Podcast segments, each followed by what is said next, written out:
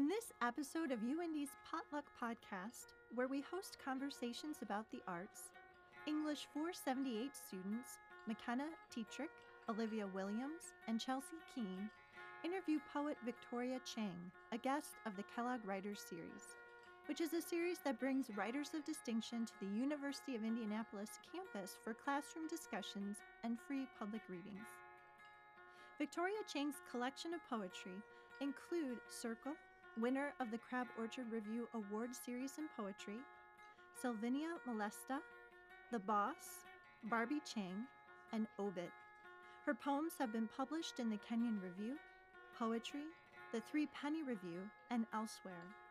Chang is the editor of the anthology Asian American Poetry, The Next Generation.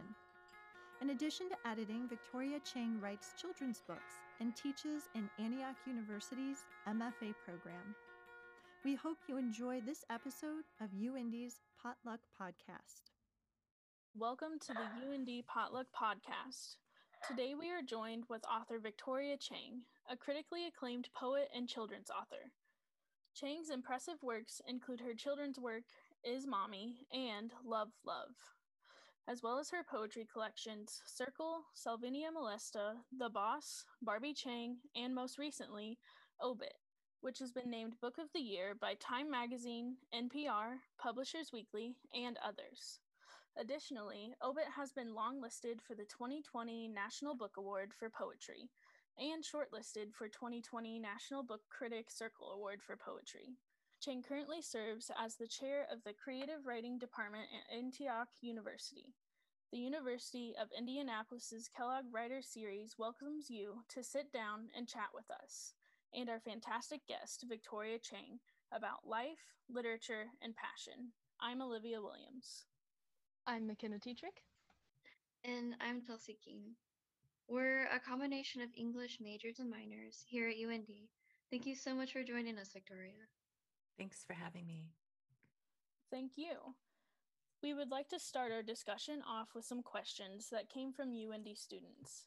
McKenna, would you like to kick us off with the first question? Of course. So, obviously, we can't have an interview this year without talking about last year's dumpster fire. So, for you, after a year like 2020, how do you feel that your role as a civic poet and as a grief writing poet have overlapped or evolved? Yeah, I mean, 2020 was horrible, and 2021 is not much better so far.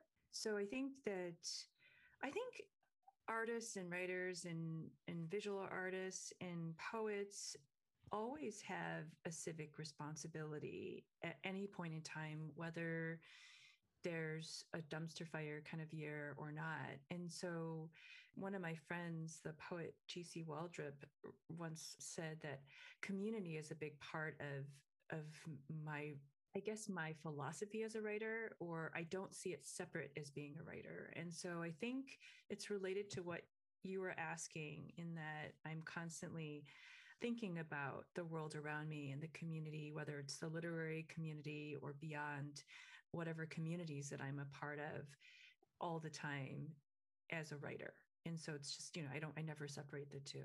So it's hard for me to think about even how to answer that because I think the fabric of who I am involves civic responsibility, social justice, community, all those things are, are, are the way that I choose to, to live piggybacking off of McKenna, I guess. And speaking of grief writing, how did you come up with the metaphorical language present present like obit when describing your grief?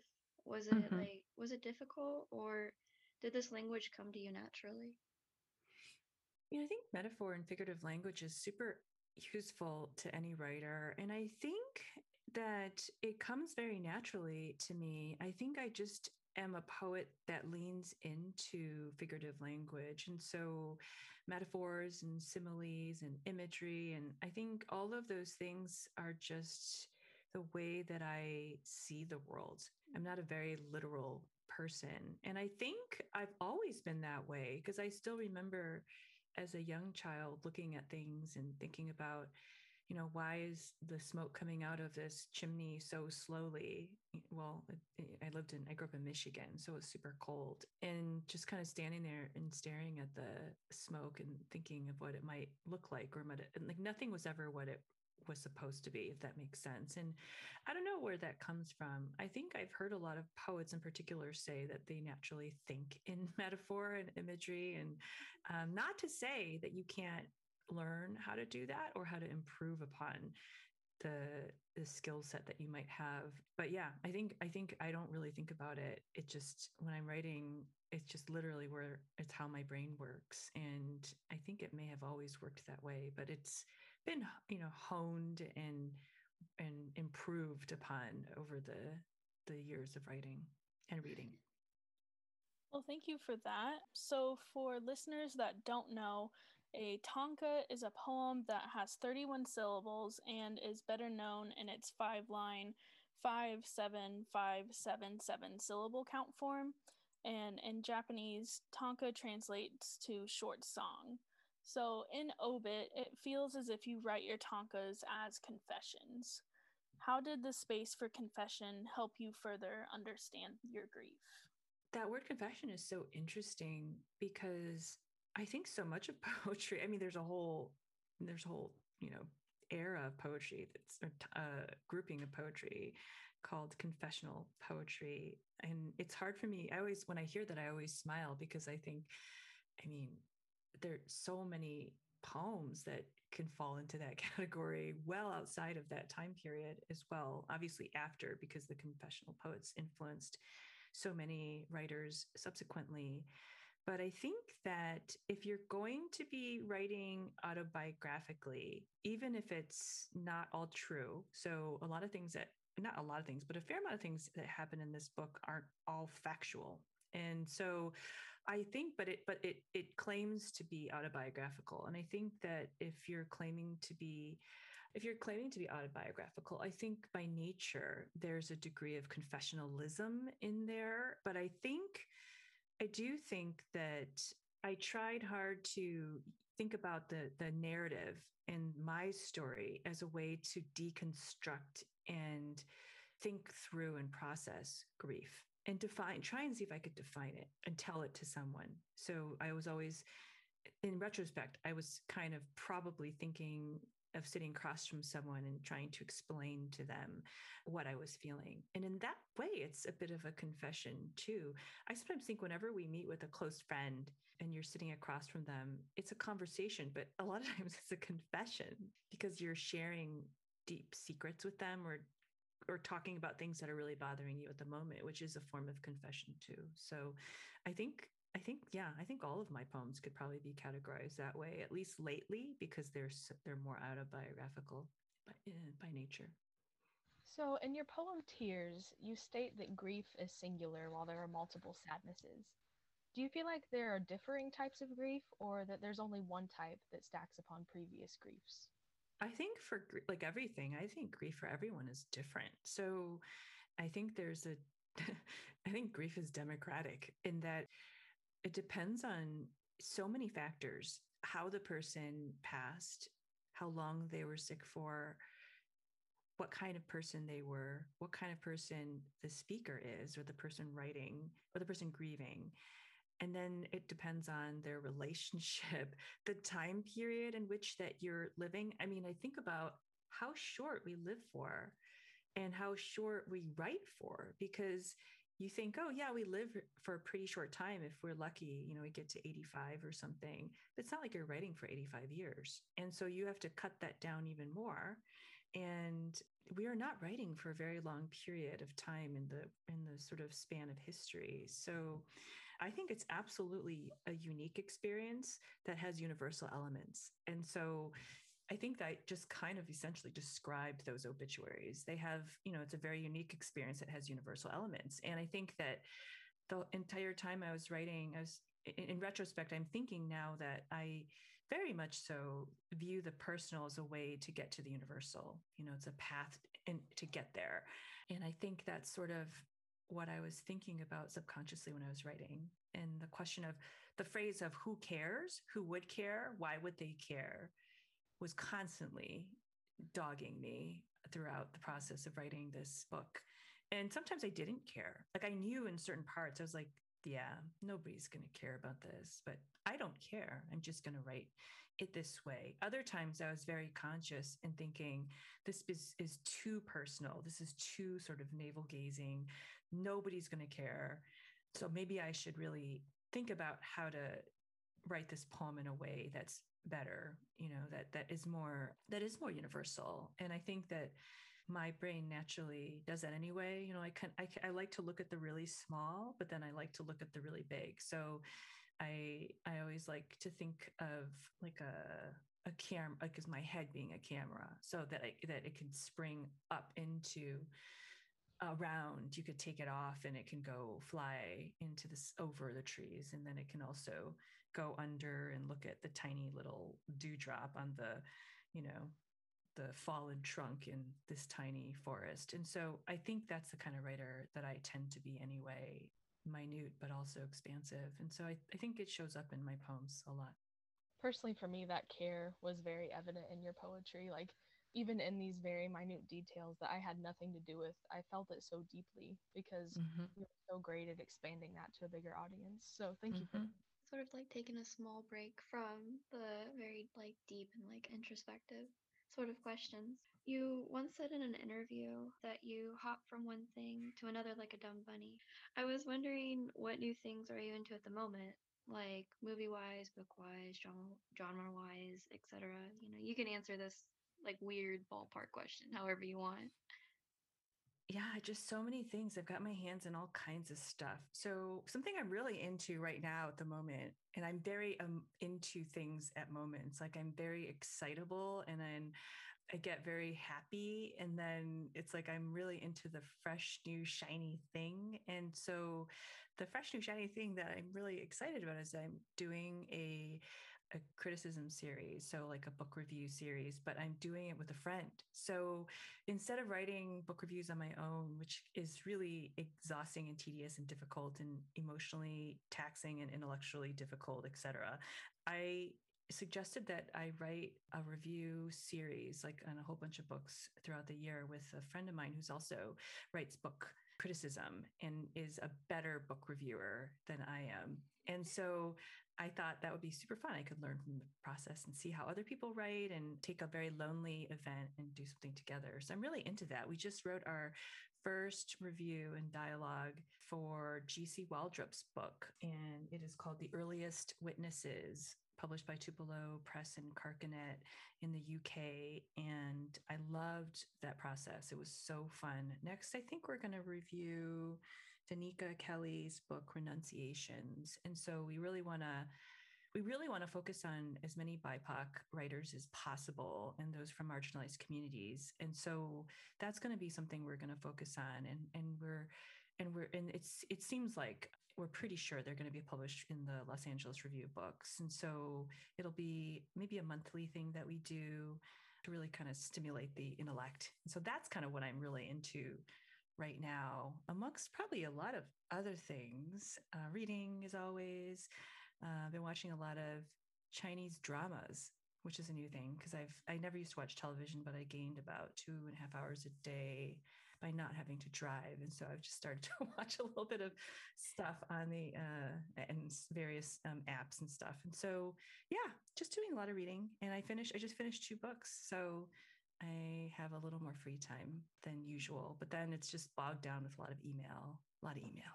Yeah. And I've been listening to a lot of music for sure. But I, have been also listening to a lot of music while I write too, because of noise in the house kind of thing. So a lot of a lot of cool stuff.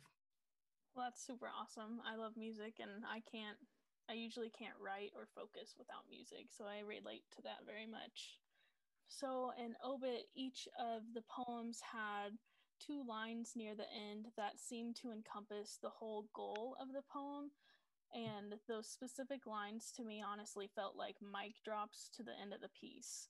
So, in terms of craft, how were you able to create these final lines and what was your process for writing them? I love endings of poems. I think they're so fun to write, but I also love aphorisms. And so I really love quotations and I just really love those kind of uh, really obvious things that people say that may not be in our consciousness. And so, yeah, I've, I've, I've written a talk on endings of poems and I just, I just really like to write them. And there are lots of different ways to write endings. Um, sometimes they can kind of circle back to the beginning, bookend kind of endings. Other times they can veer off into a totally different, you know, direction.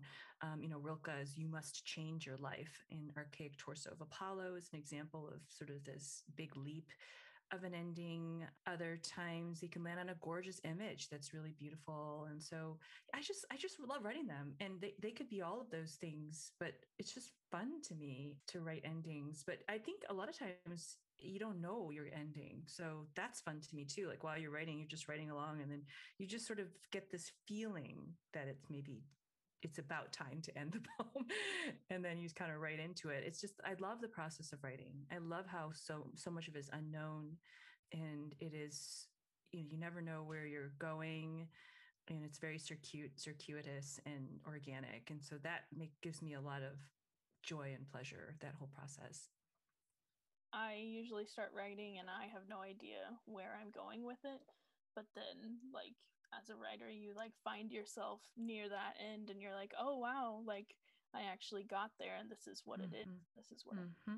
right and you don't even know necessarily where what you're doing and what you're writing about until you get to that sort of place where you're at it's like it's a really fun process you to not know yeah i mean i was just t- talking to someone else last week about a, maybe a class visit about the fact that we know the funniest thing about being human is we all know we're going to die pretty much throughout our lives.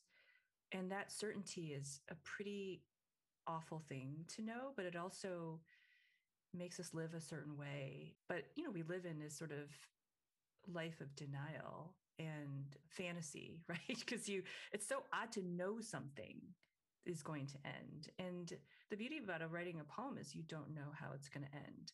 And, you know, you know, probably know it's going to end, but you don't know how it's going to end. And I, I guess that's true with us too as humans. Maybe it's the poem is just a, maybe a poem is a proxy for a life, you know, that sort of knowing something, but not knowing something at the same time. And, and it just, you know, I just feel like our lives are therefore a whole short period of time of existential anxiety. uh, maybe that's why we have our philosophers all the time and our visual artists and our poets and things like that who do maybe spend more time thinking about these kinds of things than other people do. Or maybe that's an assumption. Maybe someone who's you know building a company that makes you know iPhones or something is thinking about these things too and that shapes how they design products and things like that the hard part is over. Now we can get on to like the fun questions. We it's what we call like the lightning round. It's super easy. They're they're just simple questions we throw at you. Olivia, would you like to start us off though? Of course. So, if you could pick one book to read for the rest of your life, what would it be? I wonder if anyone's ever said the Bible, but I'm not going to say the Bible. Wow, just one. It'd have to be a really beautifully written book. I would say anything by Virginia Woolf. I kind of cheated, but I think that's a good choice. I mean, one author's fine. So this might tie mm-hmm. with your next question. The zombie apocalypse is here. You can't avoid it. You may choose one writer, dead or alive, to be on your team. Who is it and why? I would pick, I don't know, I think it's just be someone cool to hang out with. I think it'd still be cool to pick Virginia Woolf, but maybe I will pick uh, Gertrude Stein. Nice. I like it. What is your favorite holiday or tradition? Like my uh my grandmother solely likes Halloween and Christmas. Solely so she can just decorate her house. No other reason. I like Halloween mm. because of the candy. I also like August. I know that's not a holiday. I think it should be a holiday. I think there should be a holiday for the entire month of August, and everyone should just agree not to work I just like the feeling of August in Southern California. It feels very crispy, and I like that crispiness. There's the everything feels just a little it, it, everything feels like it has a little bit of a flame on the end of it so i really like august no i understand i love the fall and around august time it just it just feels different than the rest of the year well that's really fun my favorite is halloween just because of all the decorations and like you get to dress up or do makeup and then all the parties yeah. yeah so i agree all right. So, other than writing, what do you like to do in your spare time? Do you collect anything? Spare time. Oh boy. I don't have a lot of spare time, but I do. Yeah, I have been watching a lot of Chinese dramas. Do what do I collect? I like to I like to do any sort of physical activity. You know, I have some injuries that prohibit me from doing a lot, but I do love it and try and build it into every day after a long day, which is every day. And then I also just really love to read. And so I like to read all sorts of books. And oh, another thing I've been liking to do is I like watching lectures. so, any sort of lectures, free lectures on English literature or uh, literary criticism or art you know, museums are offering a lot of them now. A bunch of friends just hopped on one that I wasn't able to go to. So I was in a meeting, but I do just like learning. So I kind of just like going to a lot of stuff online these days because there's so much available. But yeah, uh, I would say those are probably my my hobbies. I used to like going to museums. Maybe I'll get back there someday. Yeah, I love going to museums. And I know a lot of them are doing like virtual tours online and stuff. So that's mm-hmm. really cool. So this one's super easy. I'm obligated to say there's no wrong answer, but I feel like some people might think there is. Coffee or tea? I like okay, if I could pick one drink to bring with me to a desert island, I would pick boba milk tea. So it has to have boba in it and it has to be milk and it has to be iced and it has to be, you know, pre-sweetened and everything. So yeah, my I pretty much have to integrate milk boba tea into my diet and what I eat because I drink so many of them, it's like I have to take out other things. gain weight because I drink so many of them and I'm so addicted to them. And then all the other flavors that they have, and like the Thai milk iced tea. So I sometimes get the coffee. You know, I'm in I'm in Southern California. There's a boba shop. You know, there's there's so many boba shops here. 85 Degree C Bakery is sells the most delicious boba. And then there are all these small boba shops. So that is, I'm the tea person, but I will drink coffee occasionally, but I'm mostly a tea person. All right. So for the next one, who is your favorite musician? Oh, wow. There's so much music that's available that it's just it's so fun to kind of go down the rabbit hole of exploring. This morning I was listening to Ruth B. I also was uh, recently listening to Troye Sivan, Jeremy Zucker. You know, I love all of the kind of like Martin Garrix kind of like you know techno mixes and stuff. And then i also really love like uh, you know what i listen to when i when i write is this great artist named tony anderson instrumental and it's really cool. So i really like that. But i could keep going. I love old stuff like pet shop boys and i'm just looking at my playlist and uh Lauv i don't even know how you pronounce it but just all sorts of stuff. It's just kind of like my 14 uh, year old says that the type of music I like is either bad pop music like BTS, which I do like, or sad pop, slow pop. That's sort of the cat. I, that's how she categorizes my music taste. It's either you know BTS or or sad, depressing, melancholic pop music. Alrighty, so we have one final question for you before we end it, and it ties into the last one actually. What is one piece of art, which is a song, movie, book, whatever, that is giving you life right now? I've been looking at a lot of visual art because I'm writing this talk. The talk is is about joy and joy and poetry. And so yeah, I've been looking at a lot of poems, but I've also been trying to integrate a little bit of visual art into the talk. So I've been looking at a lot of paintings. And so yeah, I've been looking at Matisse's La, Dan- La Danse, I think that's how you pronounce it, and Fragonard's Swing, you know, the swing painting. So I've just been looking at a lot of visual art lately. So I don't know if there's one. I would say joyful, quote unquote, because it's, you know, I'm looking, the whole point of the talk is that it's not all joyful, but joyful visual art is what I've been digging into lately. Thank you so much, Victoria, for joining us for this discussion. And thank you for our listeners for supporting our Kellogg Writer Series Student Run Potluck podcast.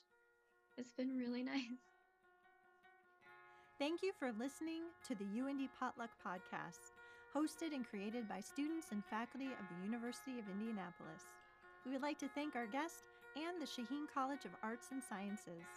To learn more about the UIndy Potluck podcast and hear other episodes, please visit etchings.uindy.edu forward slash the hyphen potluck hyphen podcast. Thank you for your support.